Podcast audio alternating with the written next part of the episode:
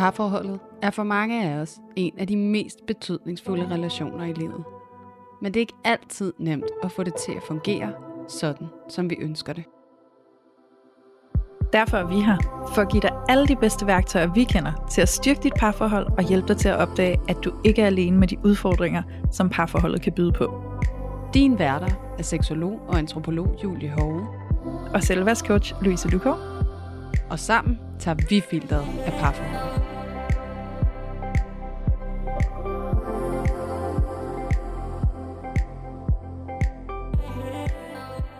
Hej og velkommen tilbage til Parforhold Uden Filter.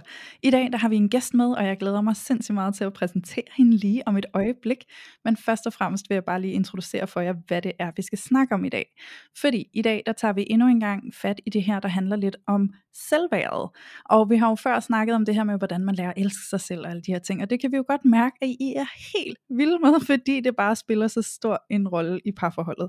Og øhm, hvordan vi befinder os i parforholdet i virkeligheden også. Så det er jo faktisk det, vi kommer til at snakke om i dag, fordi at vi skal nemlig ind og kigge efter, hvordan er det, det påvirker vores parforholdsrelation, når vi kommer med hver vores traumer og vores selvværd. Hvilken stand er vores øh, selvværd i, og hvordan påvirker det så relationen, når vi støder sammen i et parforhold.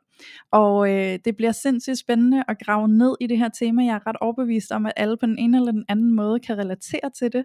Så øh, bare kick back and relax, og så vil jeg bare lige sige hej til Julie som det første, inden jeg præsenterer vores gæst. Hej Julie. Hej Louise. Det bliver godt. Ja, jeg glæder mig også meget. Ja, det kan jeg. Og øhm, så er det jo næsten lige før, vi skal have sådan en hel øh, trummevivl.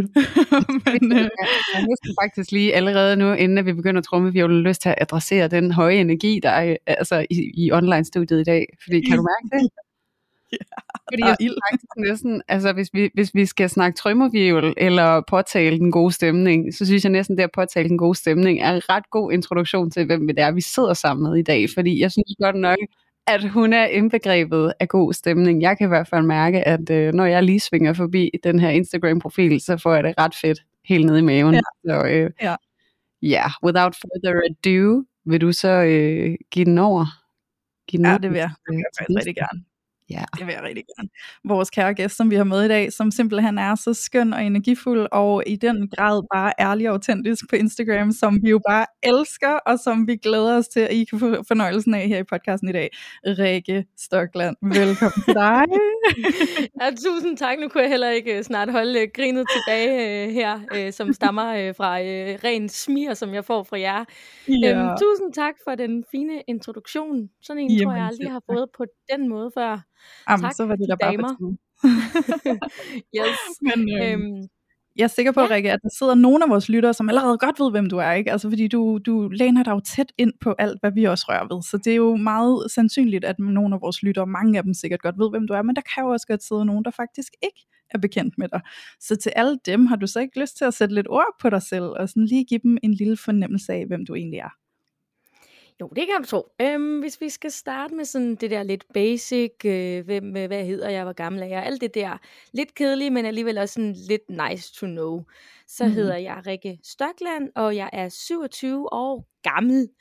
Øh, jeg bor i Odense, men er sådan born and raised i Næver. Og hvis man tænker, hvad fanden er Næver, så er det Næstved.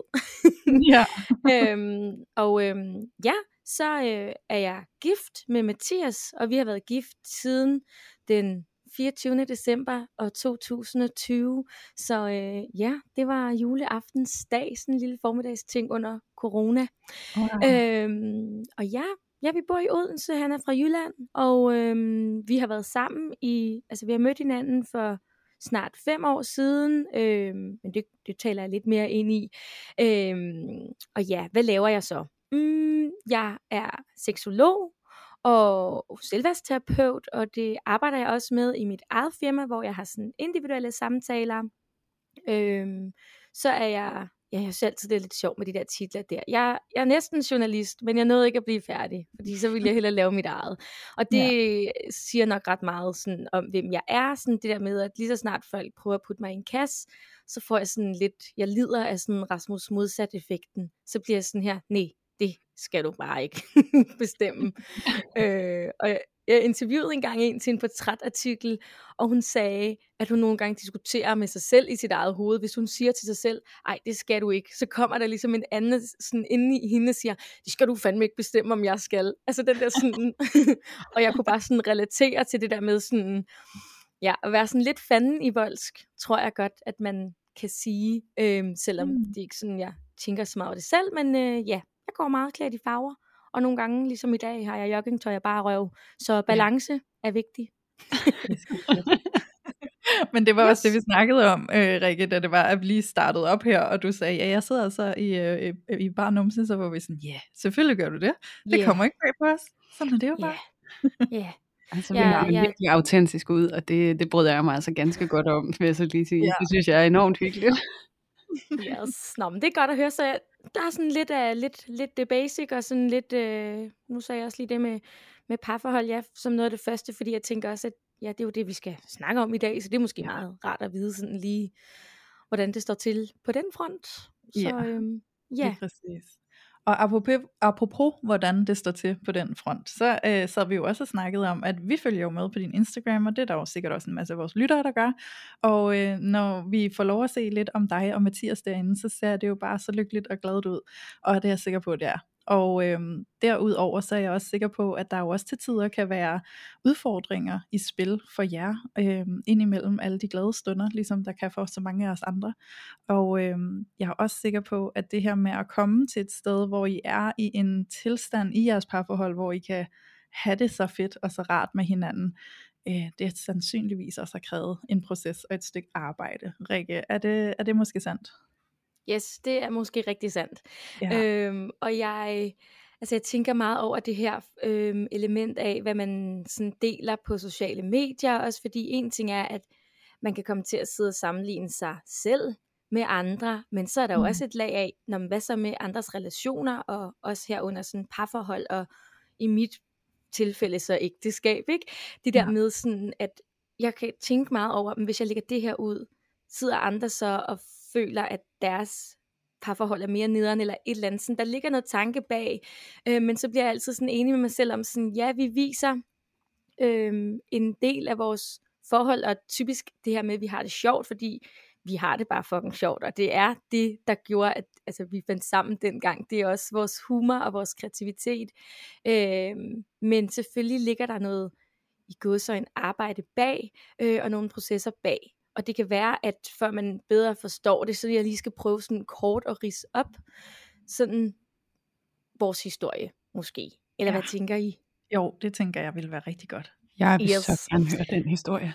Og, øhm, og, en lille, og en lille disclaimer til jer, øh, Julie og Louise, det er, at når jeg laver podcast, så plejer jeg lige at være sådan, dem jeg laver podcast sammen med, lige sige, kan I lige også hjælpe mig med at sørge for, at jeg ikke lige får startet mig selv og kørt i en eller anden motorvejsafkørsel, jeg ikke skulle af på. øhm, ja. Nogle gange kan jeg godt have behov for at blive trukket tilbage, så øhm, jeg lægger lige lidt ekstra oven på jer i dag. Ej, det er øhm, så fint. Vi er med dig. Kanon. Yes. Øh, jamen, vi mødte hinanden på læreruddannelsen. Også en uddannelse, jeg heller ikke gjorde færdig, men sådan det er jo. Så mødte jeg Mathias. så fik jeg alligevel lidt med. Du fik det, du skulle øhm, med derfra. Jeg fik lige præcis det, jeg skulle med. Vi mødte hinanden på læreruddannelsen, og vi, øh, vi lavede begge to musikteater. Og det var faktisk lidt sjovt, fordi jeg var sådan skuespiller og sanger, og han spillede trommer. Og det er, altså vores historie er lidt sådan tokrummende flødeagtigt. Den er sådan, jeg har selv haft lidt opkast i munden over det, så det skal man lige forberede sig på. Øhm, men det der sker, det er, at vi øver det her musikteater, og jeg har kun lige kort snakket med ham, jeg aner faktisk ikke, hvad han hedder. Og så skal musikholdet ligesom vise til os, hvad de har øvet på en af de her første gange, vi øver hver torsdag. Og den her mand, han sidder bare og spiller trommer, som var der ingen dag i morgen. Han giver den bare så fucking meget gas, at jeg seriøst står og kigger på ham, og du ved, jeg taber kæben og tænker bare, det der, det fucking elsker jeg. Og nogen, når de spiller trommer, så laver de alle mulige mærkelige ansigtsudtryk, og ud med tungen, og amen. og jeg blev bare helt forelsket i den der passion, og den der sådan, wow, nu er vi her. Og jeg sagde faktisk lidt for sjov til en af dem, øh, jeg stod så med, fordi vi var sådan, okay, vi filmede lige ud, og fedt, det her er musikteater. Og så sagde jeg bare til en sådan, ham der skal jeg fandme giftes med. Hold kæft, jeg skal giftes med ham der. Jeg var bare sådan, øhm, men havde egentlig ikke sådan, ja, tænkt mere over det. Og så kommer vi, øhm, så er vi sådan tit ude at drikke øl der om torsdagen. Øh, der er godt tilbud på bodegaen, så det er sådan en tradition, og, og både Mathias og jeg er næsten lige flyttet til Odense. Og så sker det der, at jeg kommer lidt senere end de andre, fordi jeg skulle lige hjem og gå tur med min hund og sådan noget, øh, inden jeg lige joinede til, til festen der, eller hvad man siger. Og øh, så kommer jeg ind på bodegaen, og så siger det her menneske, og lige have med i mente, at jeg ved ikke, hvad han hedder på det her tidspunkt. Jeg ved kun, at han spiller trommer. Jeg kommer ind og er bare sådan, halløj, så er jeg ankommet. Og så siger han, hold da op, siger han så. Hvis du bare har halv så meget energi i sengen, som du har der, så skal du fandme med mig hjem. Wow. ja, jeg elsker din reaktion. Wow, jeg var sådan her, hvad vil du dig Jeg var virkelig sådan, det er for meget. Altså tænk, og det kommer fra mig, ikke også? Jeg var sådan her, det er for meget det der. Jeg var sådan her, hvem er det? Altså, han var bare sådan, men han ownede det bare, han var sådan, hej, jeg hedder Mathias. Og var sådan, okay, nej, gå hjem. og så sådan falder vi i snak, og jeg har faktisk et lidt sådan blandet indtryk, fordi jeg tænker sådan, okay, din fuckboy, skru ned, altså, men samtidig tænker jeg også, men du er også meget interessant. Mm. Og så falder vi sådan i snak, og så finder jeg også ud af, at han er yngre end mig, et halvt år yngre, og det irriterer mig lidt, fordi jeg er sådan, hey, jeg har egentlig altid været til ældre fyre. Og så, så klikker vi bare mega godt, og jeg sådan kommenterer egentlig lidt på det der, han sagde. Han var bare sådan, Nå, det var sgu da bare for sjov. Ja, okay, fedt nok. Øhm, og så går vi videre på en karaoke bar, og nogen er sådan begyndt at tage hjem, men vi fortsætter, og øhm, så, vi, så kan jeg bare mærke, okay, vi klikker mega godt, og jeg vil ikke have, at han tager hjem, så han går så ud og ryger med en af de andre, øhm, altså bare sådan noget, ja, han er sådan lidt, åh, det er godt øh, selskab, skal vi lige ud og ryge, og jeg var sådan, okay, jeg skal ikke lige med, øh, jeg ryger ikke. Og så tænker jeg bare, fuck, hvad gør jeg? Jeg vil ikke have, at han tager hjem, fordi jeg vil gerne lære mere at kende, og hvis det kun er den her chance, jeg har, så jeg går op i baren og køber en øl til både ham og mig, fordi så tænker jeg, nu har jeg en hel øl, hvor jeg lige kan nå at charmere ham lidt. Og så kommer han ind, og så er han bare sådan, hvad er det til mig? Og så er jeg sådan, ja, det er da bare til dig. Så han, bare sådan, han bliver sådan mega overrasket, og sådan, og jeg kan bare have fundet ud af senere, at det går lige i jydehjertet. Og det ved jeg ikke, om du kan gen, øh, Julie, min lille fordom om jyder her. mm-hmm. at, mm-hmm. øh, det der med andre, andre lige, kø, eller sådan det der med sådan, han er jyde på den måde, at sådan, hvad koster det? Det er ja. meget vigtigt for ja. Altså en øl er en kæmpe gestus herover. Kæmpe gestus, yes. Så mm-hmm. tænker jeg bare, fedt, jeg har ham i hvert fald lige et kvarters tid endnu. Og vi bliver øh, enige om, at vi skal, da, vi skal da op og synge en sang. Det er jo musikteater og sådan noget. Og vi, er sådan, om vi ser, hvad der sker. Øh, jeg ved, vi, vi, og det, at, jamen, det er så ulækkert, for det er sådan lidt High School Musical-agtigt. Jamen, det er ulækkert. og vi går op, og så synger vi, når hjertet ser. Og det er bare, bare kun mig og ham. Jeg er bare sådan, det var fucking fedt, og jeg glemmer lidt de andre af der, og jeg var sådan, ja, jeg er helt høj jo. Og, men vi er ikke sådan der stive stive. Vi har måske drukket et par øl, så vi er bare sådan i godt humør, sådan beruset måske. Og så skal jeg ud på toilettet, og der er så øhm, der er så ikke ledigt på dametoilettet. Så, øh, og jeg skal virkelig tisse, og så går jeg ud på herretoilettet. Og i mellemtiden er Mathias kommet og stillet sig i kø. Og da jeg kommer ud fra herretoilettet, så er dametoilettet ledigt. Så han kigger sådan lidt underligt på mig, og så er han sådan, er der lige noget, jeg ikke ved, eller? og jeg er sådan, nej, og så siger han sådan, står du ude, og altså sådan, han var sådan et eller andet, øh, ja, jeg kan huske, hvad han sagde, sådan, du, står du ude og flytter med en masse mænd herude, eller hvad? Jeg var sådan der, nej, så, så er han sådan, øh, så siger jeg sådan, nej, jeg gør sgu da ikke at forklare ham, at der var egentlig bare lige sådan, der var egentlig bare optaget. Og så, jamen det her, og vi, vi diskuterer stadig, hvem der kyssede hvem. Men Aha. så får jeg sagt et eller andet sådan, han får sagt et eller andet sådan, noget, noget med at kysse, og jeg er sådan, du kan da bare kysse mig, eller et eller andet, så siger han, det, det tør du ikke, eller så var jeg sådan, jo, det vil jeg faktisk mega gerne, og så kysser vi, jeg siger jo, det er ham, der kysser mig, og omvendt, vi diskuterer stadig, og så kysser vi, og så tager alle andre hjem, og så kysser vi, og jeg tænker, Rikke, du skal ikke tage med ham hjem, du skal ikke, det er for nemt det her, så jeg tager ikke med ham hjem, vi går bare hver for sig, og så mødes vi til en fest næste dag også, og så gik den egentlig derfra, og så har vi bare sådan, ja, kysset lige siden, mm. og så tog det ene det andet, og, øh, og så og var så vi sammen. og så blev vi sgu gift, ja. så blev du Og gift med ham, lige- du sagde, du skulle giftes med. Ja, det er fandme, der må jeg lige, der må jeg lige anerkende mig selv der. Den havde jeg set Ja. komme. Der var en god intuition i spil der. Yes, yes. Så, øhm, men der har jo lige været et pitstop, vi har jo faktisk været gået fra hinanden. Ja. Det hører også med det? til historien. Wow. Jamen, øh, så er vi så alt er peace, love and harmony, som det jo er i forelskelsen, og øhm, det er også nogle gange, hvor jeg selv må egentlig stoppe op og selv tænke, okay, det her, det er også meget vildt, lidt sådan, man ser på tv på en måde, ikke? Sådan, vi bliver virkelig øh, taget, taget med storm af hinanden, og, og øh, bor faktisk næsten sammen fra dag et, fordi jeg på det her tidspunkt bor sammen med en, jeg ikke en, jeg selv har valgt. Vi er blevet sat sammen med sådan et boligselskab. Øhm, og han tager mega mange stoffer, og han, og han har nogle lidt ja, gakkede venner, og jeg er faktisk lidt bange for ham, fordi han har en ret truende adfærd, når han er væk på stoffer. Så jeg Okay. pakker en kæmpe kuffert, og er egentlig hjemme hos Mathias i sådan der 14 dage ad gangen, og kommer kun lige hjem for at skifte ud og vaske tøj og sådan noget. Så ret hurtigt er vi egentlig sammen. Og det der så sker, det er, at efter, jamen, hvad fanden, jeg skal lige prøve at tænke. Nu er vi, lige nu, bare lige for at tage dig, der også lytter med i hånden. lige nu er vi bare i sådan sommeren 2017, Mm. hvor alt er mega fedt. Og så, øhm, jeg skal virkelig tænke nu, kommer min gamle hjerne lige her. Jeg går på første år på lærer. Ja, efter sådan lidt over et halvt års tid, så dropper Mathias så ud af læreruddannelsen. Ja. Øhm, og, øh, bliver, og skal derfor også ud af sin studiebolig, og ej, det er sådan, ja, ja, lidt over et halvt år siden.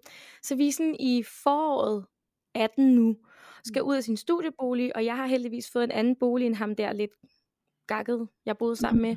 Ja. Og jeg siger til Mathias sådan, øh, jeg, jeg er ikke klar til at flytte sammen lige nu, fordi jeg synes, det er fedt, at vi har bare haft den her forelskelse sammen, og det er mega nice, at jeg kunne være hos dig, men nu vil jeg egentlig gerne have min egen lejlighed.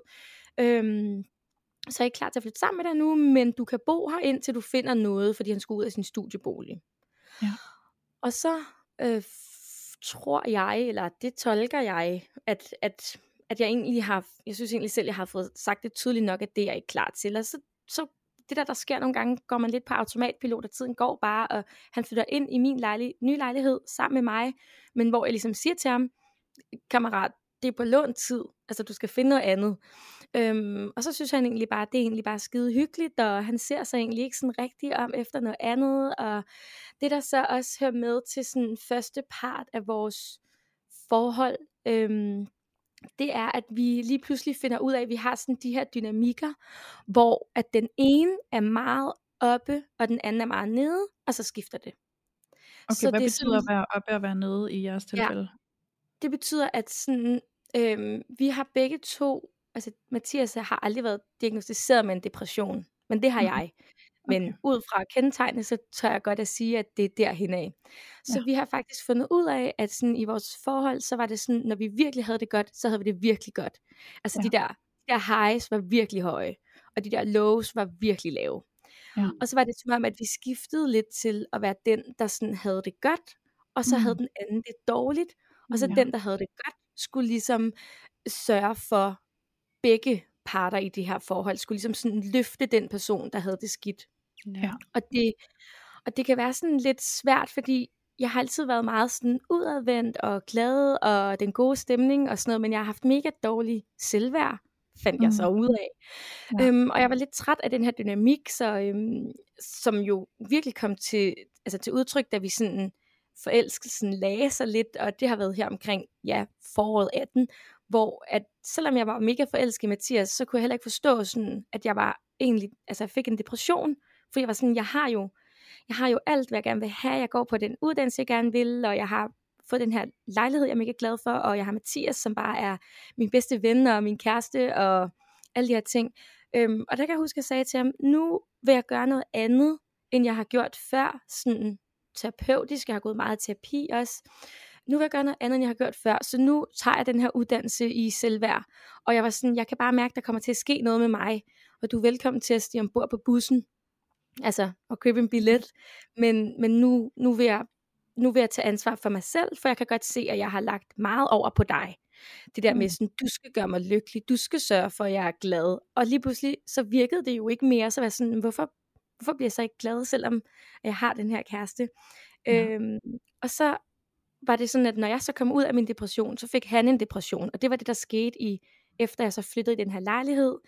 Øh, så i sådan efteråret 18, der øh, Mathias han mistede sit arbejde, han fik efter han stoppede på studiet, og han gik ligesom bare derhjemme, og jeg havde det mega fedt, og gik stadig på uddannelse, og lavede nyt musikteater, hvor han så ikke var med, havde veninder, og han havde ikke så meget i Odense, og han lå egentlig bare på sin sofa, og på min sofa, hvor jeg ligesom havde sagt til ham sådan, hey Marker, det er ikke særlig fedt at skulle sådan smide sin egen kæreste ud, men jeg er ikke klar til at bo Altså jeg var jo ikke klar til at bo sammen.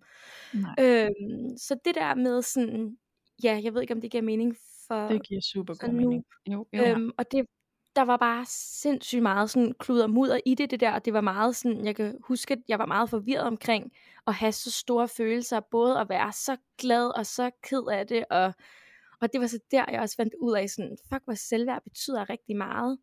Altså, mm. det er Mm. helt vildt.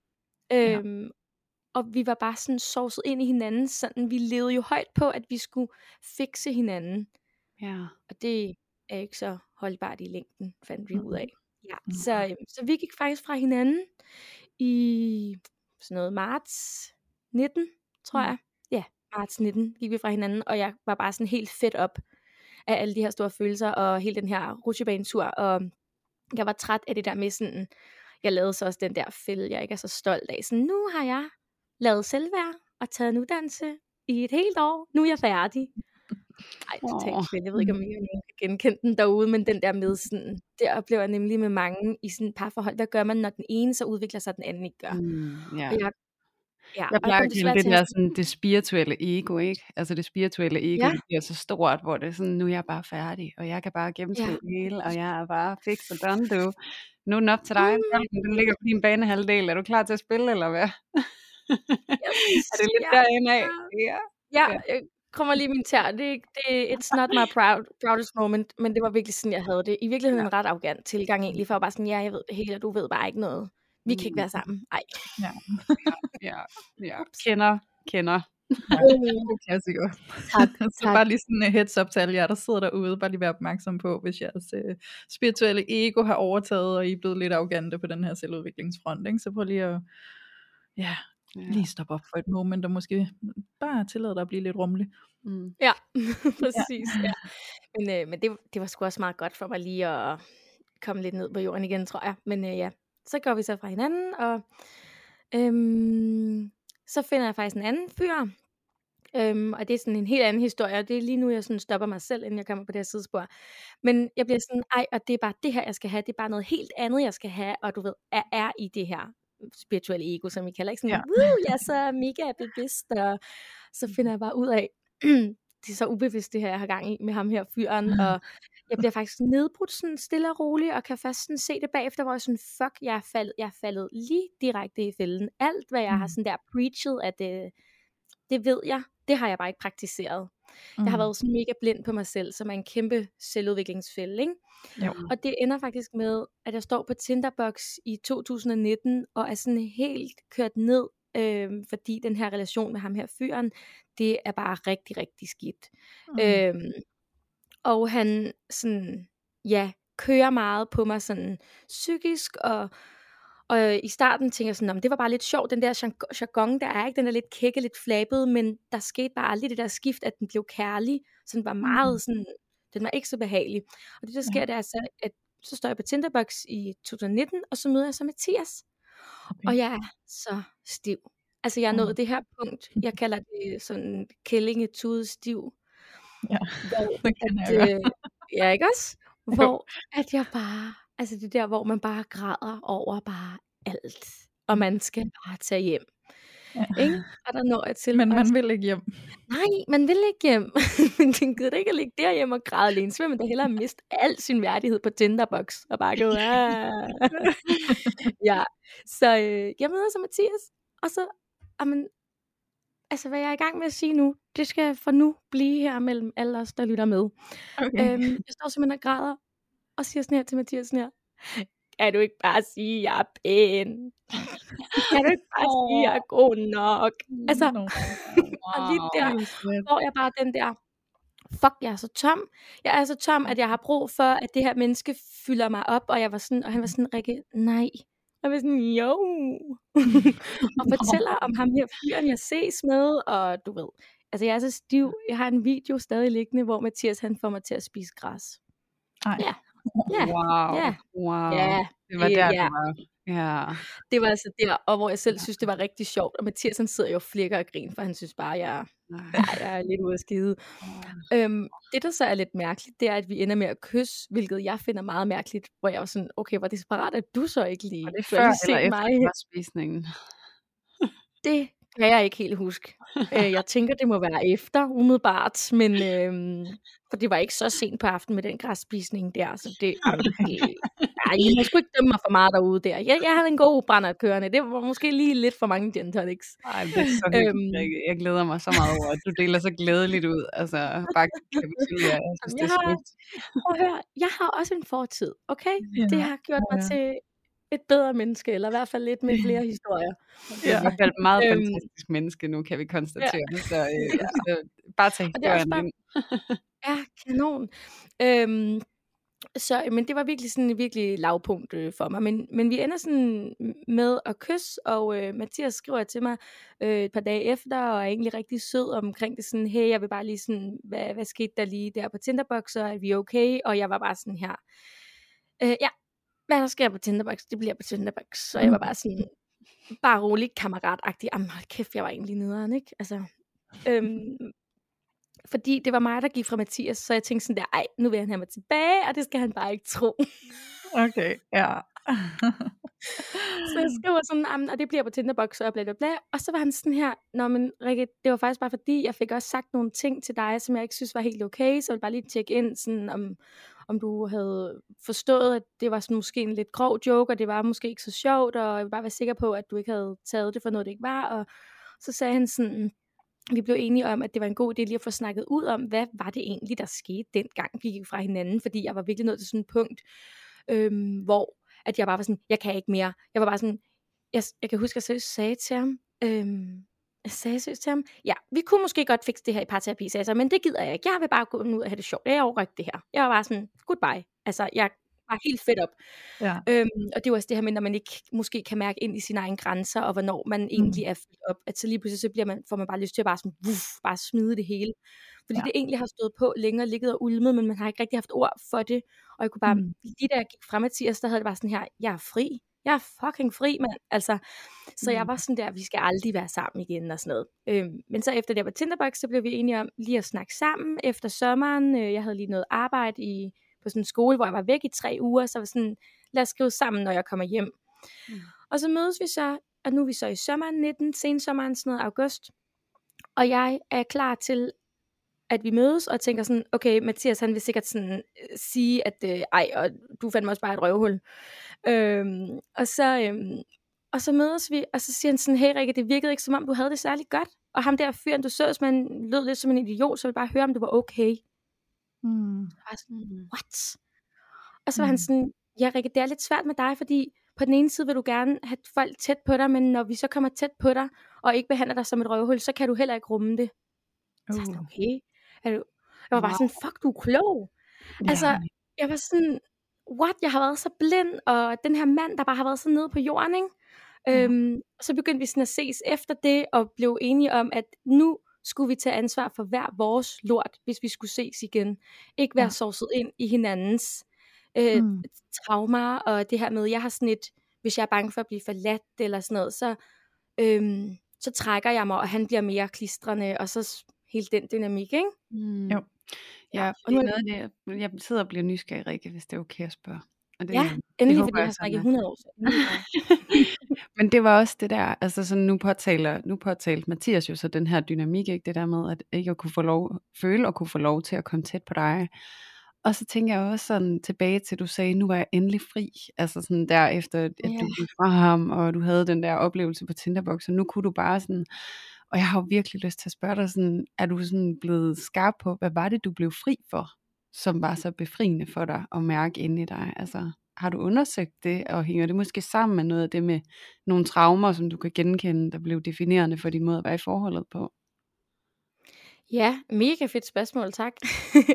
øh, jeg tænker, jeg har ikke tænkt over det, før du spurgte, øh, men det kommer til mig sådan det der med, det er det, fordi jeg har været fri for, for mig selv. Altså fri for at forholde mig til mig selv. Mm. Øh, med til historien hører nok også, at, at øh, jeg har en far, der er alkoholiker, og der kunne jeg bare virkelig mærke det her med, hvordan det har en betydning, at jeg aldrig har, jeg har aldrig set et velfungerende parforhold. Min mor og far blev skilt, da jeg var tre, og min mor har bare ikke haft, altså hun har haft et par kærester, men de har ikke været super nice egentlig. Jeg har aldrig set en velfungerende relation mellem voksne mennesker. Jeg har aldrig haft en mand i mit liv, der var stabil. Så lige pludselig var det jo bare sådan, jeg havde Mathias, som faktisk var, altså, altså stabil i det omfang, kan man sige. Ikke? Vi havde selvfølgelig den her dynamik, men han var, altså jeg kunne godt stole på ham i hvert fald. Mm. Det var nok mest det, det der med sådan, jeg stolede på ham selv, at så havde han måske nogle ting, han også kæmpede med for sig selv, ikke? Mm. Øhm, og det synes jeg var fucking svært at rumme, fordi hvem er jeg så, når der lige pludselig er stabilitet? Mm. Og det er sådan noget, vi stadig arbejder med ja. okay. nu. På hvilken ja. måde arbejder I med det? Altså den her med, hvornår, øhm, altså hvornår jeg selv bliver bliver trigget. Øhm, fordi nogle gange kan jeg godt have det sådan, jeg er jo vokset op i kaos. Altså vokset op med en far, jeg ikke kan regne med.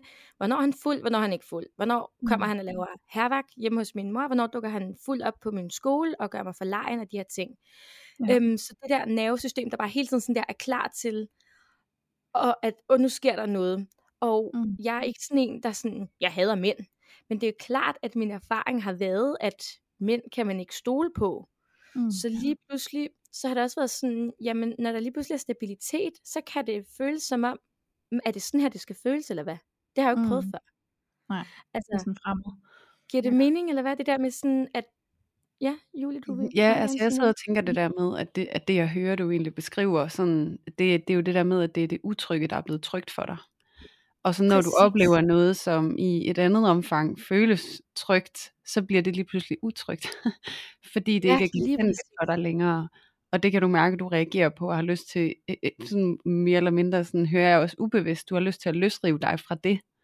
Fordi at du ja. ved, hvordan du skal navigere i det. Altså hvordan fanden Præcis. navigerer jeg i noget, som er trygt, og hvordan navigerer i, at noget er ukaotisk. Fordi ja. jeg sidder også og tænker på, da Øhm, du beskrev den måde, dig og Mathias I var sammen på, før I havde jeres brud. Øhm, det kan godt være, at der var nogle udsving, og sådan den der, lidt, jeg får sådan et billede af sådan en vægt, hvor der hele tiden er lidt mere ja. vægt på den ene skål end den anden, ikke? Og det var svært at finde balancen. Øhm, og det der med at opleve sådan lidt lever på hverdag-agtigt også. Altså ja. sådan, der kan selvfølgelig være altså, øh, udsving, som er for meget, øh, men alligevel, der er jo udsving i en hverdag, hvor at det sådan, bliver måske, at der er en, der ligger på sofaen i en periode, og det er lidt hårdt og sådan noget, og hvordan navigerer man lige det, hvis man er vant til, at det skal være lidt mere bombastisk eller kaotisk, fordi så føles det utrygt, det der måske øh, trivielle lever på stejs parforhold, og det ved jeg ikke, om det er noget, du kan genkende, Rikke. Jo, mega. uh, der kom lige en tusse i mhm. halsen der. Det kan jeg mega godt genkende. Det er virkelig sådan spot on øh, på, hvordan jeg har haft det. Mm. Øhm, ja, og også det her med sådan, jamen hvis der ikke er, også hvem, også identitetsagtigt, ikke? Sådan, hvem er jeg så, øh, når der lige pludselig er stabilitet? Fordi så lige pludselig mm. så den der uro, der rigtig har, sådan, der har været uden for også, altså sådan i, i relationerne, den mærker jeg lige pludselig i mig selv, fordi lige pludselig får jeg ro til at mærke efter, okay, hvem er jeg så, ikke? Ja. Og, øh, og jeg har ikke haft, altså jeg har haft masser, masser af kærester øh, inden Mathias, men jeg har faktisk, og det har jeg lært af at være sammen med Mathias. Jeg har lige tænkt over, hvorfor jeg er gået fra dem øh, hver gang. Mm. Og, øh, og det har altid været, når forelskelsen sådan begyndte at lægge sig, mm. så gik jeg. Så fandt jeg en eller anden, nej, nu, nej, nu skal jeg lige, nej, jeg har ikke flere følelser eller et eller andet. Hvor jeg var sådan, fuck mand, jeg er jo pisse bange for at blive forladt. Ja. Det er jo det. Og yeah. jeg tror, at det var det, der skete der med Mathias, fordi jeg var sådan, nej, jeg kan ikke klare nu, hvis du forlader mig nu, og vi ligger, du ligger der bare der på sofaen, og vi har lidt, vi sovset ind i hinandens traumer, og vi prøver at fikse hinanden, mm. og jeg var sådan, du skal ikke forlade mig, jeg skrider, vi ses. Mm. Ja. Og så følte jeg mig fri, ikke? Jo, også en god klassiker. Men jeg mm. tænker også, at der er sådan, jeg synes det er ret spændende netop det her tema med, at være vant til kaos, og være vant til det hele, altså bombastisk, og så det her med at komme ind i noget, der lige pludselig har en anden stabilitet og tryghed, og det ligesom kan virke øhm, altså sådan meget fremmed på sådan et plan, hvor man næsten ikke kan forholde sig til at være i det, fordi man kan ikke genkende sig selv, man ved ikke, jeg ved ikke, hvordan man spiller bold med dig. Jeg er vant til at spille bold med nogen, der kan spille den tilbage i mit drama, ja. men det kan jeg ikke med dig, så nu ved jeg ikke, hvor jeg skal gøre af mit drama. Ikke? Øhm, den kender jeg også selv, øh, den har jeg decideret brugt hele mine 20'er på, vil jeg næsten sige. Ikke? øhm, og øhm, jeg tror også, det handler lidt om det her med, at når den indre tilstand ikke matcher de ydre rammer lige pludselig, at så er der ligesom sådan en, det er sgu lidt svært, fordi der er ikke et match, altså der er nødt til at være et match i den ydre og den indre tilstand på en eller anden måde, ikke? så det er jo noget af det jeg ser her, det er jo også, at når der så kommer et menneske ind i vores liv, som tilbyder den stabilitet og den tryghed og den ro og sådan det der lidt mere afslappede aspekt, hvor vi faktisk bare kan forholde os til det der er, i stedet for at vi skal få det til at blive til drama, øhm, jamen altså, hvordan kan jeg være i det? Så det er jo også noget med, at så er der jo lige pludselig et kald efter at få ryddet op indvendigt, så der kan komme noget ro på indersiden, der kan matche den ro, der nu er i de ydre rammer. Mm. Og det synes jeg egentlig, Rikke, at det er ret spændende, fordi jeg synes jo, det også lyder som om, det var det, I tog en beslutning op, det her med, nu må vi rydde op i hver vores shit, sådan så vi ligesom sådan på en eller anden måde kan være her, og kan have en dynamik, der kan fungere, sådan så at det indre matcher det ydre. Øhm, giver det mening? Altså sådan, kan du se, ja. om det er måske lidt af det, der har gjort, at I har kunne lykkes med hinanden nu, og kan ja. være i en relation, der fungerer, at I måske har fået det indre ryddet op, sådan, så det kan være i den der rolige, stabile ramme, som I er i? Ja, ja lige præcis. Altså det her med, at sådan, Øhm, jeg fik så også, altså det, det var virkelig, virkelig godt for mig, at Mathias og jeg gik fra hinanden, fordi den var sgu lidt hård at sluge og indse, at jeg bare selv øh, faktisk ja, jeg kunne prædike til alle mulige andre, sådan, gør det og gør det, og, jeg, og det her, det er så bevidst at gøre, men jeg var så blind øh, på mig selv. Jeg synes, det er, sådan, det er næsten helt sådan pinligt at indrømme, ikke? Også fordi sådan, mm. det er også en del af mit professionelle virke, ikke? At være sådan, ja. nå. Øhm, men jeg lærte super meget af det, og øhm, den dag, hvor vi var ude at spise frokost der i, i august 19, øh, der, der hvor Mathias han sagde der med sådan, jamen Rikke, du har altså heller ikke mødt mænd, der ikke er idioter. Han var sådan, din far er jo også en idiot. Altså Mathias har mødt min mm. far, ikke? Din mm. far er jo også en, en idiot, og det er bare, han er sådan, det er så tydeligt, at du ikke kan håndtere, at mænd ved dig det godt. Og jeg var bare sådan, er det så tydeligt? Altså dig, ja. din dumme jyde havde det sådan lidt, ikke? Altså mm-hmm. sorry, men jeg havde det virkelig sådan, Mathias, sådan, han spiller jo bare, altså jeg var bare sådan, du sidder bare der med dine øh, venner og fucking gamer computer, sådan, åh, fucking fedt spil, computerspil. Og du af alle mennesker skal være den, der fortæller mig det der, som er så fucking rigtigt. Ja. Og der måtte jeg jo bare æde den der og sige, du har sgu ret. Det er du ja. fuldstændig ret i. Altså det er så tydeligt.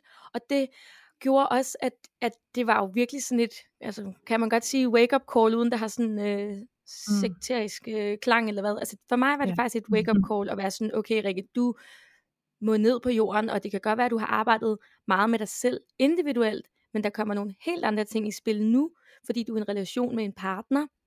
Ja. Øhm, og så det der så var med, med Mathias også, det er sådan, øhm, i forhold til alt det her med selvværd, at han har haft det rigtig svært med at føle sig meget forkert.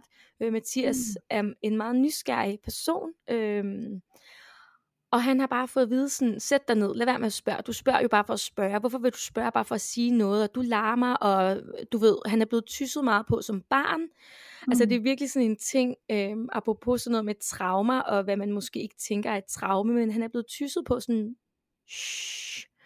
Og han får en kropslig reaktion nu, hvis han hører folk, der tysser. Han får sådan, øh, inde i ja. sin krop. Og, og øh, jeg tysser selvfølgelig aldrig på ham. Øhm. Men det der med at forstå, okay, han har også noget med i bagagen, fordi jeg var sådan, jamen Mathias, du kommer jo fra sådan en kernefamilie med to storebrødre og, og øh, mor og far, der stadig er sammen, men de har også nogle ting, og det der med at forstå, at vi behøver ikke altid at have en alkoholiker eller en stofmisbruger i vores barndom, for at vi har nogle traumer med os. Han har mm-hmm. haft øh, altså, så har han så to storebrødre, som er meget ældre end ham, så han har følt sig meget ensom, fordi han er lidt i går så en efternøler, og har været ja. sådan lidt, hvorfor gjorde I det mod mig? Jeg, altså det der med, sådan, hans største drøm har været at have nogle storebrødre, og det der med, det har han også, men de er der jo ikke rigtigt, fordi de har deres eget liv, og de to er nemlig tætte med hinanden, og har mm. børn, der er, og sådan nogle ting, og Mathias er jo bare været otte år yngre end den nummer, nummer mellem stikkers. Øhm, så han har haft det sådan det der var, øh, da han havde en depression også, og da vi boede sammen, lige inden vi gik fra hinanden, der kan jeg huske, at det var så svært for mig at rumme det der med, jeg vil gerne hjælpe dig, men det her, det kan jeg ikke hjælpe dig med.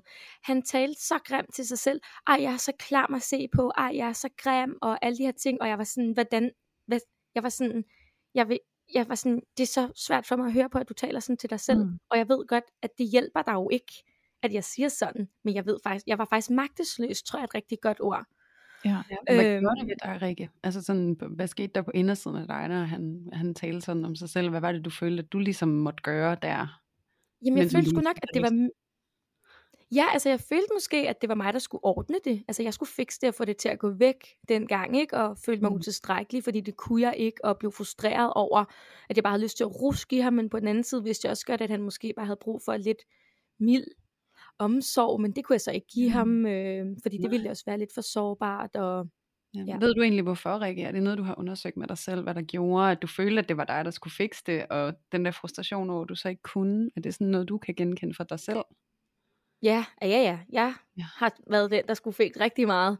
Altså, jeg skulle mm. altid fikse hjemme hos min far, jeg skulle altid ordne den gode stemning, og hvis han lige var i humør til, at nu ville han lige drille mig på sådan en meget grænseoverskridende måde. Øh, altså min far, han har for eksempel bare fyret hundepropper af indenfor, fordi han synes, det var grineren, men han vidste godt, at jeg blev pissebange. Så ja. hvis jeg var sådan der, uh, chok, så var han sådan, ha, ha, ha.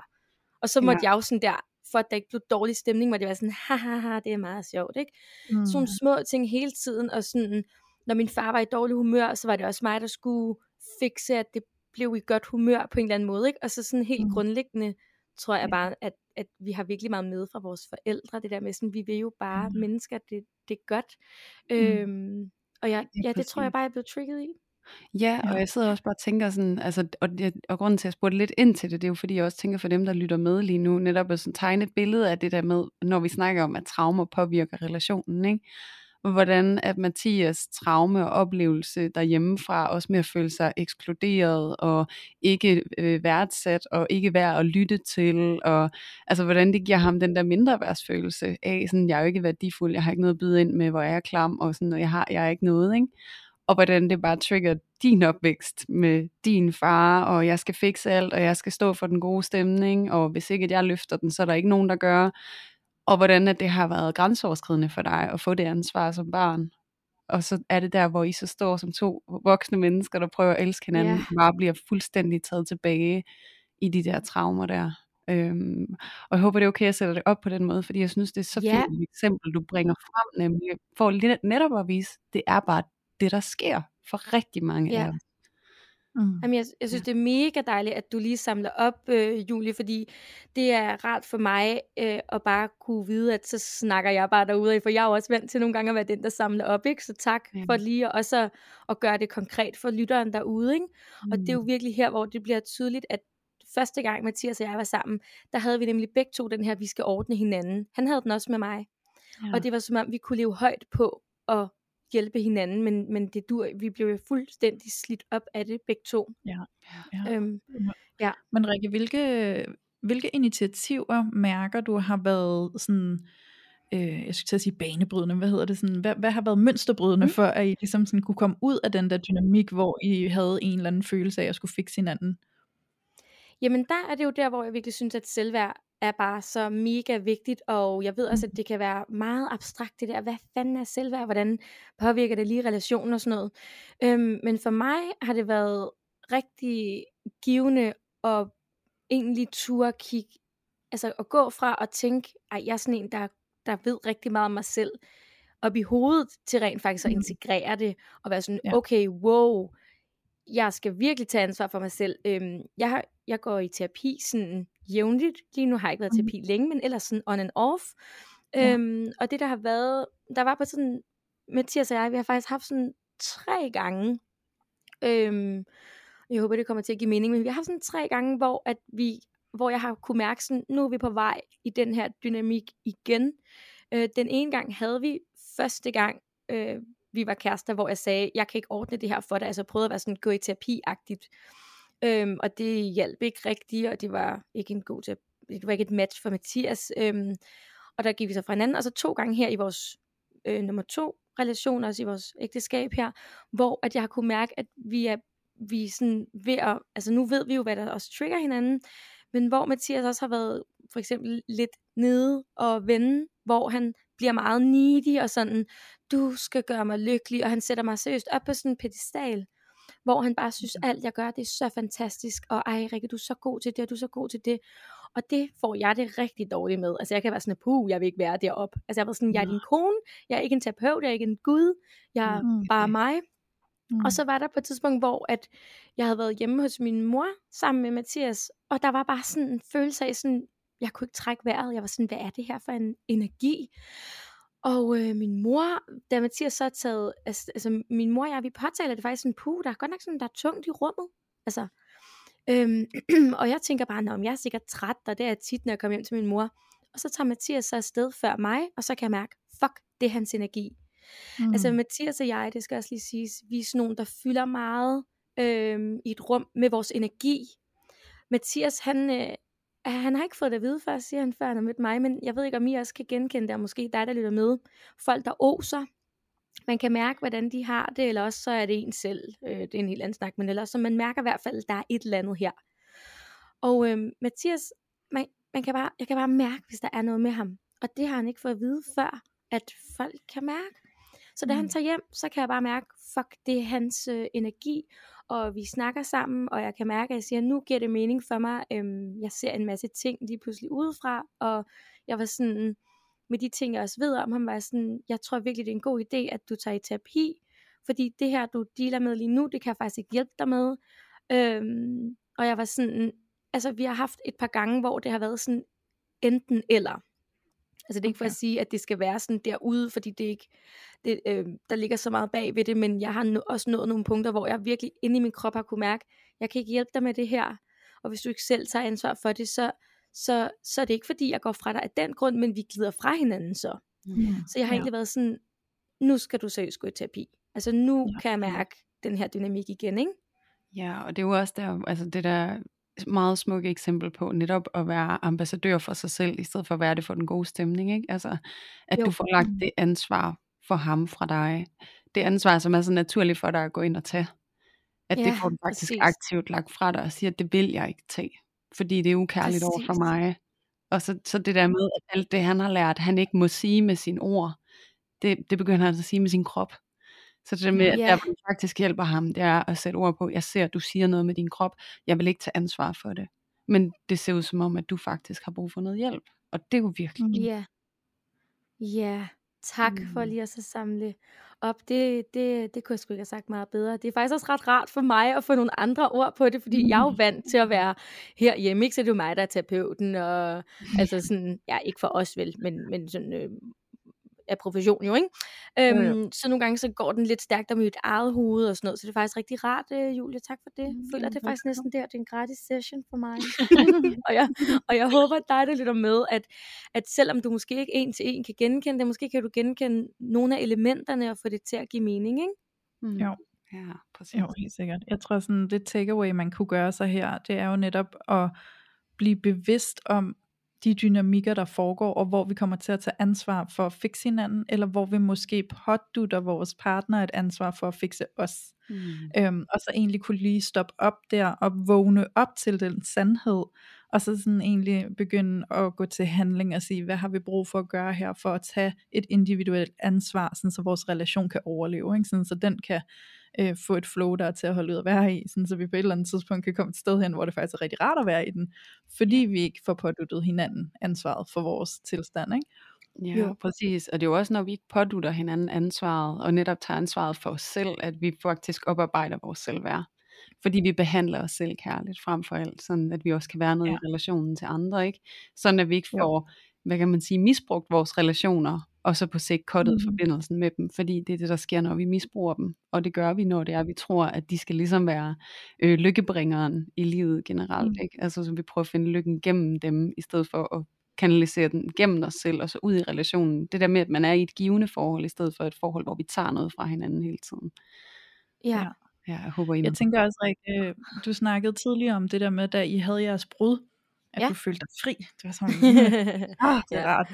Og som Ja. vi snakkede om, og Julie også så fint lige kom ind på det her med, sådan, var det i virkeligheden sådan friheden for at forholde dig til dig selv. Ikke?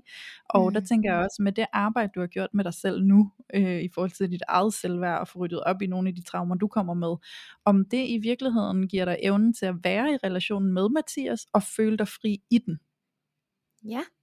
Ja, det giver god mening. Altså, ja, jeg tror, det er det her med, at øhm, noget, som, som jeg også ved, øhm, man snakker meget om, øh, sådan med øh, det bevidste parforhold, eller det der med sådan projektioner, at vi er gode til at sige, øh, for eksempel øh, helt konkret, jeg havde det virkelig svært med, at Mathias han var doven, Altså jeg synes faktisk også, apropos det der med at ligge på sofaen, jeg var sådan, hvorfor fucking ligger du bare på sofaen der? Du laver ikke en skid, ikke? For det fik jeg Mhm. aldrig lov til at være, heller ikke hos min mor, som aldrig fucking kunne slappe af, altid skulle ordne noget nærmest, ikke? Ja. Øhm, og så, øhm, ja, nu fik jeg lige sagt altid og aldrig, også nu stopper jeg lige mig selv. Sjældent og ofte, ikke? Jeg prøver virkelig at rydde ud i de der ord. Ja, det var et lille tidsspor. Nå, men, øh, men, det var, men, men jeg, lå jo, jeg lå jo ikke der på sofaen. Jeg kunne kun ligge på sofaen, når jeg var kørt ud, altså når jeg var helt udbrændt fordi jeg ikke kunne ja. andet. Så t- selvfølgelig var det pisse flabet for mig at se sådan, hvorfor ligger du bare der? Ikke? Øhm, og så, øhm, mm, hvad var det nu? Nu tabte jeg min egen tråd. Fordi jeg, tror, du er inde i nogle skyggesider, nogle projektioner. Ja, præcis. Tak skal du have. så det der med sådan at blive bevidst om også, hvad han, hvad han, sådan, hvad han har lært mig i forhold til det der med sådan, at, at øhm, Jamen, jeg kan ikke huske, hvor jeg lige kom fra. Sorry, Jo, måske klipper det det ud. Jeg tror, det var det der med, at Louise, hun Det der påtalte den der doven. med at være, jamen, jamen, det her med at være, at være fri, fri. i relationen. Altså om ja, du er blevet fri ja. til at være i den, fordi du ligesom har gennemgået de her øh, traumer med dig selv, og ligesom prøvet at, at rense i din egen sjæl, og finde ud af, hvad er det, jeg bringer i spil her. Så det der med at blive fri fra Ja, relationen, fordi du ikke skal ansvaret, men nu kan du være fri i den, fordi du ved, hvad for noget ansvar du skal tage. Ja, præcis. Og det jeg så vil sige med det, det var sådan, det her var egentlig bare opvarmning til, at et meget konkret eksempel er det her med at være doven, at det har jeg så lært, okay, det handler om noget i mig. Det er mig, der ikke synes, jeg selv må være doven, og det kan jeg ikke rumme, så det er nemmere at pege fingre af, at du er doven. Et lille røvhul, ikke? Lad være med det, for det må jeg jo ikke, ikke? Mm. Øhm, og så havde jeg faktisk en mega fed session hos en terapeut, hvor jeg bare var sådan, what, mindblowing. øhm, og det var her for, jamen det skulle ikke mere end et halvt år siden, fordi vi igen havde, altså igen den her sådan øh, dynamik, øh, der, jeg, jeg blev spurgt sådan, hvem er du kæreste med? Er det din mor eller din far? Og jeg var sådan, lidt dem begge to. altså det der med sådan, hvem minder ens partner om? Og jeg var sådan, på en måde dem begge to, og ingen. Øhm, fordi det blev meget abstrakt for mig, og jeg var sådan, jamen det kan ikke være min far, fordi Mathias er jo ikke alkoholiker-agtigt, ikke? Og så siger hende terapeuten, så siger hun, nej, men hvad er det, der sker, når Mathias han ikke taler med sine ord, men, men med sin energi, som du var inde på før, Julie, med sit kropssprog på den måde, ikke? Fordi nogle gange, når Mathias ikke siger tingene, som det er, så ligger der en eller anden energi, som jeg føler, jeg skal ordne, og så kan jeg blive god til at sige sådan her til Mathias, øh, jeg kan ikke mærke, hvad du føler, du siger ikke, hvad du føler, du er ikke i kontakt med dig selv, altså det der, ikke også? Øhm, og så var jeg til den her session, og jeg, har- jeg har ikke set det som værende en, altså at jeg pegede fingre eller en beskyldning, øhm, for jeg tænkte sådan, jeg har jo stadig, stadig sagt, jeg synes ikke, jeg kan mærke dig, eller et eller andet, og jeg var jo sådan, det er jo ikke en decideret beskyldning, jeg siger bare, at du ikke siger, hvad du, hvordan du har det. Og så siger hende her terapeuten sådan, jamen Rikke, okay, fordi jeg siger sådan, jeg kan mærke i håndtaget, jeg kan mærke, når han tager i håndtaget, så kan jeg mærke, hvordan han har det, når han kommer ind ad døren. Det er sådan noget, nogen af os, der er vokset op med, for eksempel i dysfunktionalitet, så har vi de her antenner ude, ikke? Vi kan ligesom mærke, huha, hvordan er, vi skal passe på os selv, hvordan er stemningen, ikke? Er min far fuld, er han ikke fuld? Når Mathias han så øh, kommer ind ad døren, så nogle gange, så kan jeg bare mærke, hu, der er et eller andet her. Og så får han måske ikke lige sagt ordentligt hej, og så går han ind på sit vær- vi har hver vores værelse, skal lige siges. Så går han ind på sit værelse, spiller måske bare computer, og jeg er sådan der, jeg kan mærke, du har det dårligt. jeg kan mærke, du, der er noget, du ikke siger. Og så hende her, min terapeut, hun siger, jamen Rikke, du skal vide, at når han kommer ind ad døren, og han tager i håndtaget, og det øjeblik, du ikke kan mærke ham, så er det din far, der drikker. Altså det er den øh, Mm. metafor, ikke? Den med sådan, det er den følelse, du får. Fordi når din far han drikker, så er han ikke følelsesmæssigt tilgængelig, Og når Mathias ikke er følelsesmæssigt tilgængelig, så bliver du trigget i noget grundlæggende i din barndom. Og jeg var bare sådan der, yes, det giver mening. Og så sagde ja. jeg, så var jeg sådan lidt, jamen hvad skal jeg så gøre? Altså jeg følte, at jeg var god til at tage de der sårbare samtaler og være sådan, hey lad os lige sidde og snakke, og det var jo mit behov for at snakke jo. Og så var yeah. terapeuten sådan, jamen Rikke, prøv at være nysgerrig på, hvad sker der inde i dig, når ting ikke bliver sagt? Mm. Og når han ligesom flyver væk fra dig, han, han drikker ikke, nej, men så spiller han computer, eller ikke får sagt, hvad, hvad du gerne vil, han skal sige, ikke? Og så var jeg sådan, fuck, jeg føler mig jo ligegyldig, jeg føler mig helt lille. Og så begyndte, altså, så hulkede jeg bare hos den der terapeut. Og der blev jeg sådan, der blev jeg virkelig bevidst om, fordi jeg hulkede, og jeg ville gerne sådan gemme mig væk, og hun var sådan, hvorfor har du, altså hun var sådan, du har svært ved at have øjenkontakt nu, fordi du bliver ked af det. Og jeg var sådan, ja, og så var hun sådan, bare bliv hos mig, bliv hos mig, og jeg sad bare der, og ja, stortudet. Og hun var sådan, næste gang det her sker, så er det vigtigt, du siger til din mand, Mathias, jeg kan ikke mærke dig, jeg kan, og jeg kan ikke mærke mig selv, jeg bliver mega sårbar lige nu, fordi jeg føler mig ligegyldig, jeg er bange for at blive forladt, og jeg var bare sådan, here we fucking go again. Så skulle, altså, og jeg troede, jeg var sådan der, ja, jeg er kommet så langt, men nu kan jeg se, okay, det har mange ansigter i det der parforhold, ikke? Altså, det, øhm, ja, jeg håber, giver det mening derude? Ja, så meget. Ja. ja, der er altid et spadestik ja. dybere, ikke? Altså, der, er, der er, ja, ikke også? Am, for ja. fanden, der, der er Jamen, jeg, ekstra lag på låret. det er der fandme, jeg bare sådan, hold kæft, ja. hvor længe bliver det ved, ikke? Men det er ja. jo der, hvor at, men det er at, måske ja, det er så, ja, Altså det der med også, at det der livet sker. Altså det der, hvor vi lever livet. Yeah. Det er faktisk også, når vi... Fordi noget af det der, jeg også tænker, når du fortæller din historie, Rikke, det er også det her med, at, at det her med at observere hele den måde, dit nervesystem går i gang på, når han tager i døren. Og ligesom yeah. at afdramatisere det på indersiden af dig selv. Altså sådan, at du er det her antennebarn, som har haft den her fulde far, som var følelsesmæssigt utilgængelig, samtidig med at du var relationelt fuldstændig afhængig af ham. Altså det var jo en liv og død situation.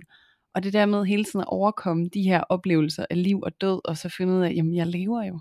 Altså sådan, og det er jo, og faren er drevet over, og sådan, der er jo sådan en lettelse i det, og det er jo det der med, at vi får lov til at besøge et mørkt sted, for at træde ud i lyset igen, ikke? Altså, og det er jo det, som det er, og jeg tror også, det er noget af det, som vi skal netop gør meget tydeligt ved at tale om de her ting i den her podcast, det er jo netop, at det er det her, livet består af. Det er ikke et glansbillede, der skal være godt hele tiden. Fordi det er jo også, jeg, jeg siger altid, det er jo fordi, vi kender til kontrasten, at vi forstår det, vi er i. Altså det er mm. fordi, jeg ved, hvad smerte er, at jeg ved, hvordan glæde det føles ind i mig. Ikke? Så det der med, yeah. at, at det er det parforholdet er.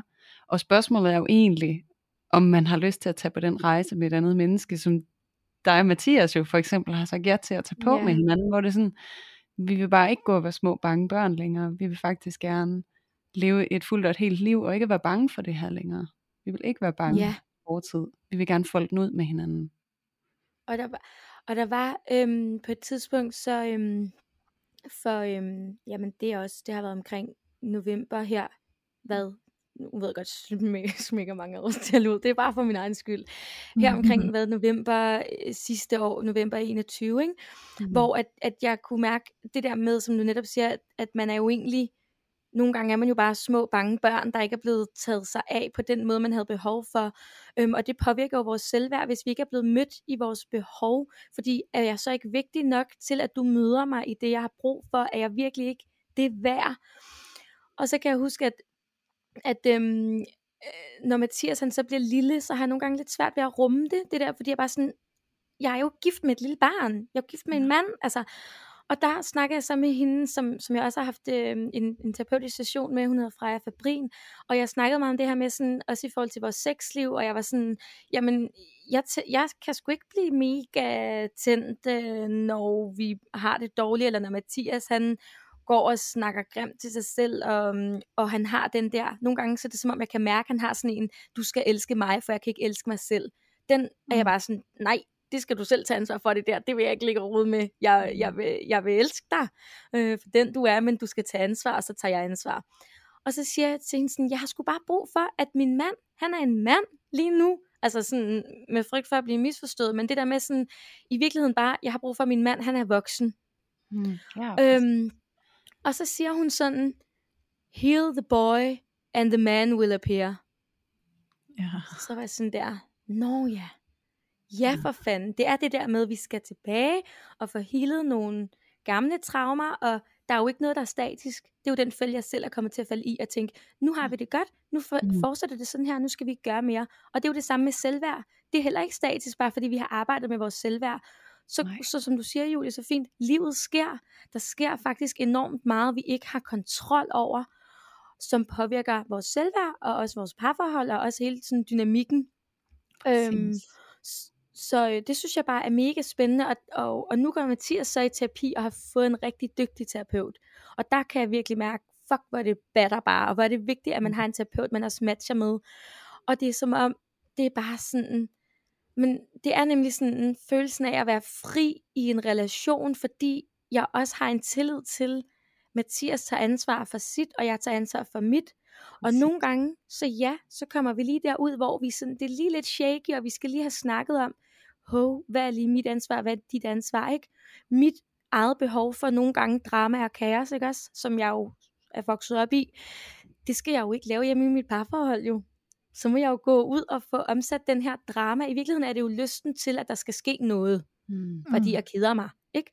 Mm. Og i stedet for at det skal være på den der lidt toxic måde, så nu skal jeg lave rav i gaden, fordi jeg har brug for drama, for jeg kan ikke mærke mig selv. Mm. Så er jeg blevet lidt mere sådan, okay, men min partner behøver jo ikke at opfylde alle mine behov 24-7. Mm. Nej. Altså, så kan det godt være, at Mathias ikke gider med ud og vinterbade, og det har jeg været meget irriteret over, for at være sådan, det skal du, fordi vi skal have en hobby. men så er jeg sådan, okay, men, er det ikke rigtigt det der med sådan, vi laver heller aldrig noget sammen, sådan rigtig offeragtigt. Ja. Men der har været sådan, okay, Mathias, du gider ikke med at bade, det er faktisk fair. Han gider godt med ud og holde mine ting. Han er mm. sådan, ja, holder dine ting, mens du bader, jeg gider bare ikke at bade. Og før var jo sådan, ej, vi skal begge to bade, fordi det er hyggeligst. At det er jo mit mm. behov, ikke? Jeg gerne vil bade. Bad for helvede. Men man kan også sige, det er jo tit og ofte, når vi går i barnet, at vi bliver ufleksible over for andre. Ja. Det der med, ja. at, at der er jo også det der, lav noget med mig. Altså lav noget med yeah. mig, engagere dig med mig, være nærværende med mig. Og det er jo også det, der får ja. i Nå, men det er barnet.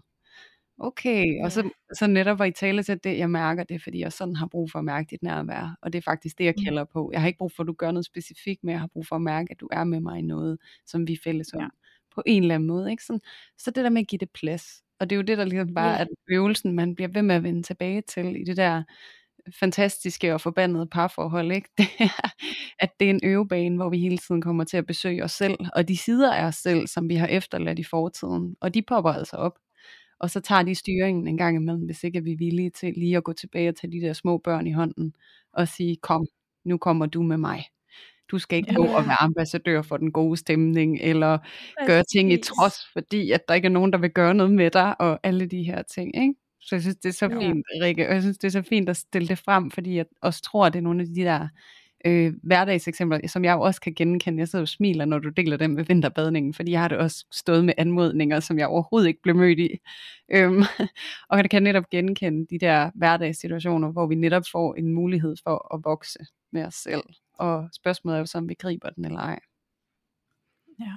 ja. Og der, altså der er det jo også super vigtigt, synes jeg, at man ikke, jeg oplever tit, at folk kommer til at bagatellisere de der hverdagseksempler og siger, ej, for eksempel det med vinterbadning, ikke? Ej, slap, altså, så kunne jeg have en indre dialog, sådan, ej, Rikke, slap dog af, det skulle da bare kan du ikke bare, han vil jo bare ikke bade, altså hvad fanden er problemet? Mm. I stedet for, at jeg oplever det også tit, når jeg har folk i terapi, de er sådan, ah, det er lige meget, det er bare mig, der er sådan lidt overreagerer, ikke? hvor jeg sådan, nej, altså prøv at dykke ned i, hvad handler det her om?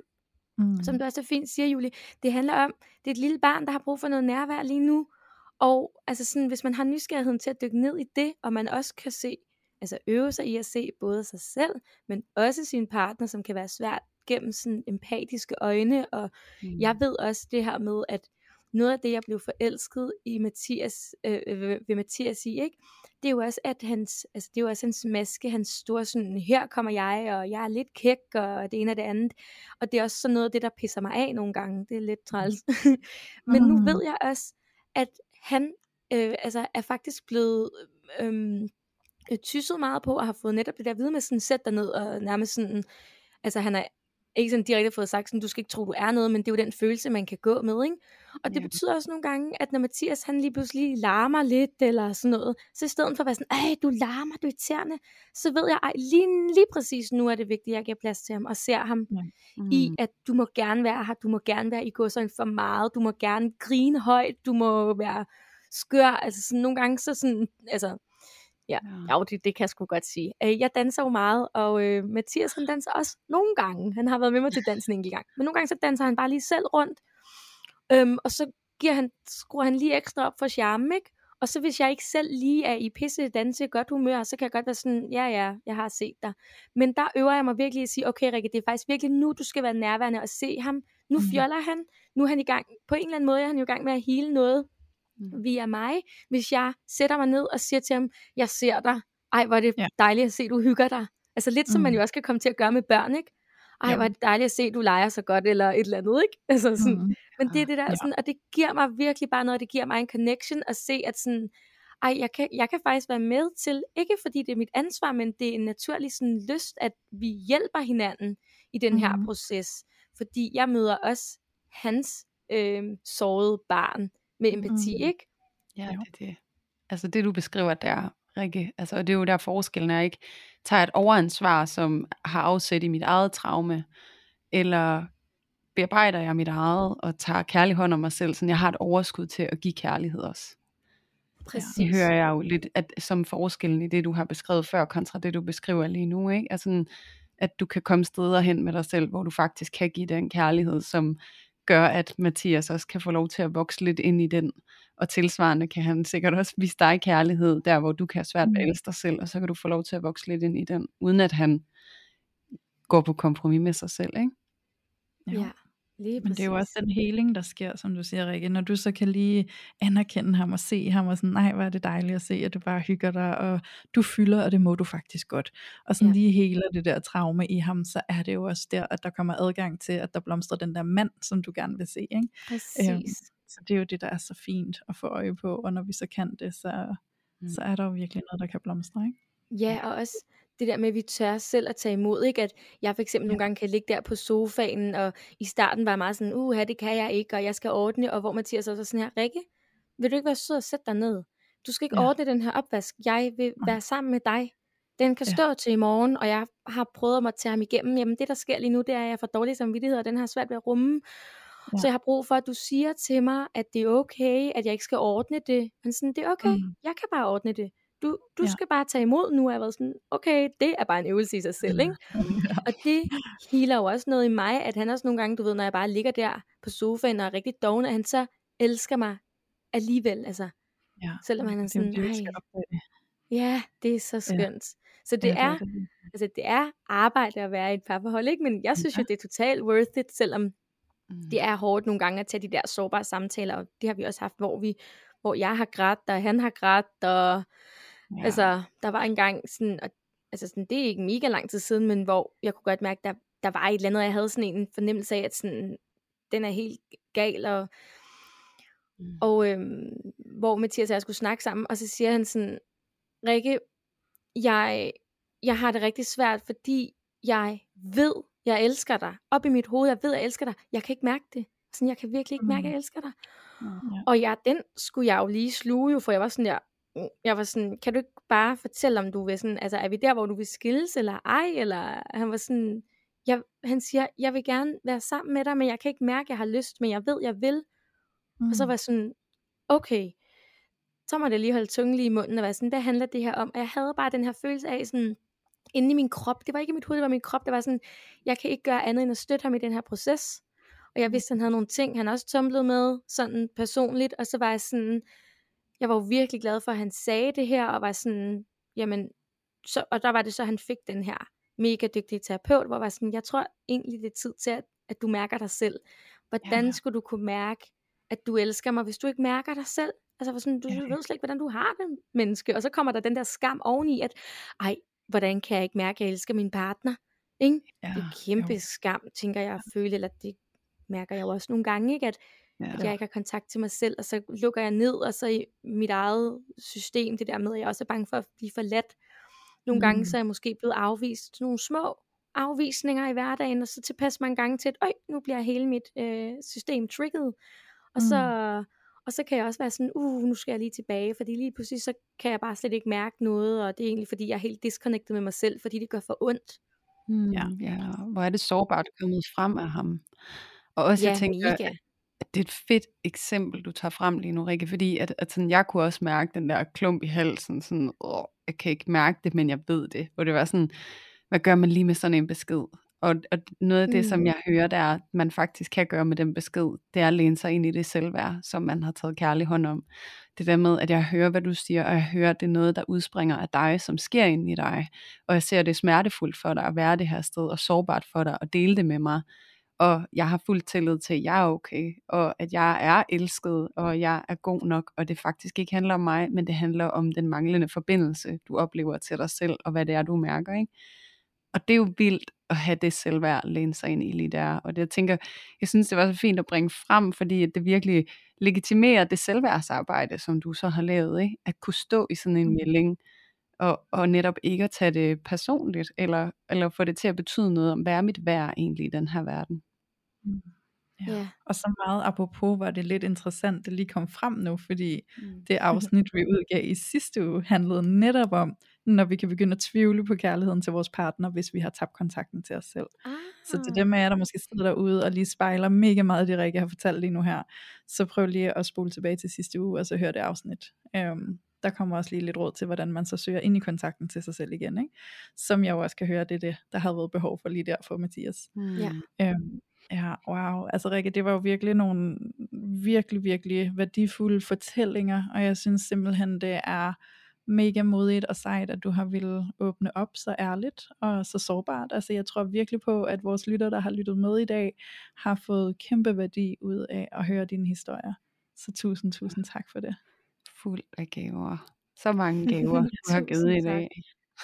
Tusind tak tak. Det er jo også en gave at få lov til at give, ikke? Så tusind tak, fordi at jeg måtte være med her, og også til dig, der lytter med derude. Tak, hvis du har lyttet med her i, hvad, over en time, ikke? Det skulle, det skulle godt gjort, når man tænker på, øh, hvor meget konkurrence der er øh, med TikTok og Instagram og 5 millioner forskellige podcasts, ikke? Og du har været her med os en time. Det vil jeg bare sige tusind tak for din tid. Det er nu engang lidt sjovere at lave, hvis folk gider at høre det.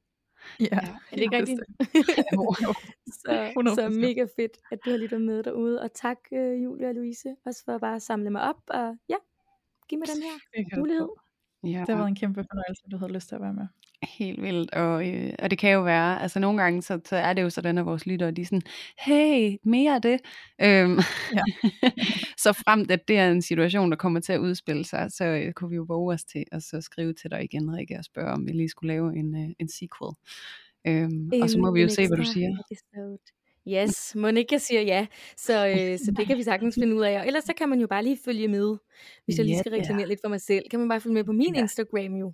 Og vil du være reklamere lige lidt for dig selv, Rikke, fordi at, altså, du laver jo ikke så lidt. Altså, der er jo foredrag, der er terapi, der er en fantastisk Instagram-profil, du har oprettet et community, øhm, og du har skrevet en bog, som din mikrofon ja. står på. Altså, Ja, en, en Benedikt-samling der. Jamen, det var egentlig bare mest sådan, fordi jeg laver så mange mærkelige ting, men, men, øh, men følg med på Instagram, og så ved jeg ikke, om det måske er lidt dårlig stil her at sidde i en podcast og reklamere for en anden podcast, men, øh, men okay. hvis man synes, øh, hvis man synes, at det er lidt, how dare you.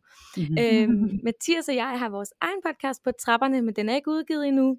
Vi har ikke optaget første afsnit, men det er sådan en, det er lige ved at være, og det er jo også noget lidt andet, fordi der sidder vi så og snakker sammen, mig og ham, ikke? så der bliver det også bare en, ja. en slød for en sladder, men hvis man tænker, det skulle da meget interessant, så kan man bare følge med på min Instagram, og så får man al infoen der. Og vi linker til dig, Rikke, yes. op i vores Jamen, øh, altså. tekst, der ligger under afsnittet her. Så til alle jer, der lige skal ind og finde Rikke, Rikke Stockland, øhm, så ligger der også et link til hendes Instagram her i afsnittets beskrivelsestekst. Yes. Og øh, så øh, lige som vanligt, så synes jeg jo også, at vi skal give et kæmpe shout-out til vores loge, hvor at alle jer kære lyttere jo faktisk kan komme ind og få ekstremt meget støtte, og virkelig blive samlet op, ligesom øh, at vi har gjort her i dag med dig, Rikke. Og øh, det her med at komme ind i en loge, hvor der er et hav af andre mennesker, der kan sidde og åbne op og dele ud, og du kan sidde og spejle dig i deres historier og følelser og dilemmaer, men at du også selv kan gå ind og dele nogle dilemmaer og nogle følelser og blive spejlet i det, og blive samlet op med gode råd og ikke mindst en hel masse omsorg. Øhm, det giver altså bare muligheden for at mærke, at du bestemt ikke er alene, du er ikke unormal eller noget som helst, og der er håb, og der er vej frem. Så øh, hop ind i vores loge på Facebook, der går du bare ind og søger på parforhold uden filter-logen, og så trykker du lige på knappen, der hedder ansøg om at blive medlem, og så lukker vi dig ind den næstkommende tirsdag. Så øh, kæmpe shout out til at gøre det. Mm. Og den invitation, den ligger efterhånden på ryggraden, hva' Louise? Det gør den, det gør den. Og den er lige så, lige så ægte hver gang. Ja, den er smooth og lækker, og det er den hver gang, og det ja. sætter jeg pris på, mm. det skal du vide. øhm, og så sidder jeg jo også og får lyst til at komme med en anden invitation, og øh, det vågede jeg mig vist også til i sidste afsnit, og nu øh, våger jeg pelsen og gør det igen. Hvis du sidder derude og synes, at det her bare har været en øh, kæmpe fed oplevelse for dig at sidde og lytte med på vores podcast, så øh, vil jeg rigtig, rigtig gerne øh, invitere til, at du smider en lille anmeldelse, anbefaling, og det kan du altså gøre, hvis du sidder inde på Podimo, så giver du lige en thumbs up. Hvis du sidder på Spotify, så kan du give os nogle stjerner. Og hvis du sidder inde på Apple Podcast, så kan du altså både give stjerner og skrive en lille anmeldelse. Og jeg vil bare sige, at øh, hver en feedback fra jer er enormt kærkommen, og hvis du har brug for at sætte endnu flere ord på, eller har en eller anden ris og ros, er du også altid velkommen til at skrive til os, og det må du meget gerne gøre ind på Instagram, og så skal vi nok være klar til at besvare din anmodning. Og det er jo også her, hvor du kan få lov til at komme med forslag og input til potentielt nye afsnit. Så du skal ikke holde igen overhovedet. Nej. Mm-mm. Nej, vi elsker, når I kommer med input, fordi vi elsker, at vi kan samskabe den her podcast med alle jer, der sidder og lytter med, og gøre den så relevant for jer, som I overhovedet har brug for. Så øh, skriv endelig til os, hvis I har gode idéer, eller et eller andet tema, I bare sidder og savner. Så, øh, så bliver det altså taget imod med kysshånd. Ja. Så øh, ja, så vil jeg da bare sige tusind tak til jer to dejlige damer, for øh, den her fornøjelige stund, vi har haft sammen i dag. Selv tusind, tusind tak. tak. ja. tusind tak. Det har været en kæmpe fornøjelse at have dig med, Rikke, og som altid også en kæmpe fornøjelse at sidde her sammen med dig, Louise, enligt for eneste uge. Og det har selvfølgelig også været en kæmpe, kæmpe fornøjelse at vide, at vi har haft en masse skønne lyttere på det her afsnit. Så tusind tak til alle jer vidunderlige lyttere, der endnu en gang har været med til at tage filteret af parforholdet.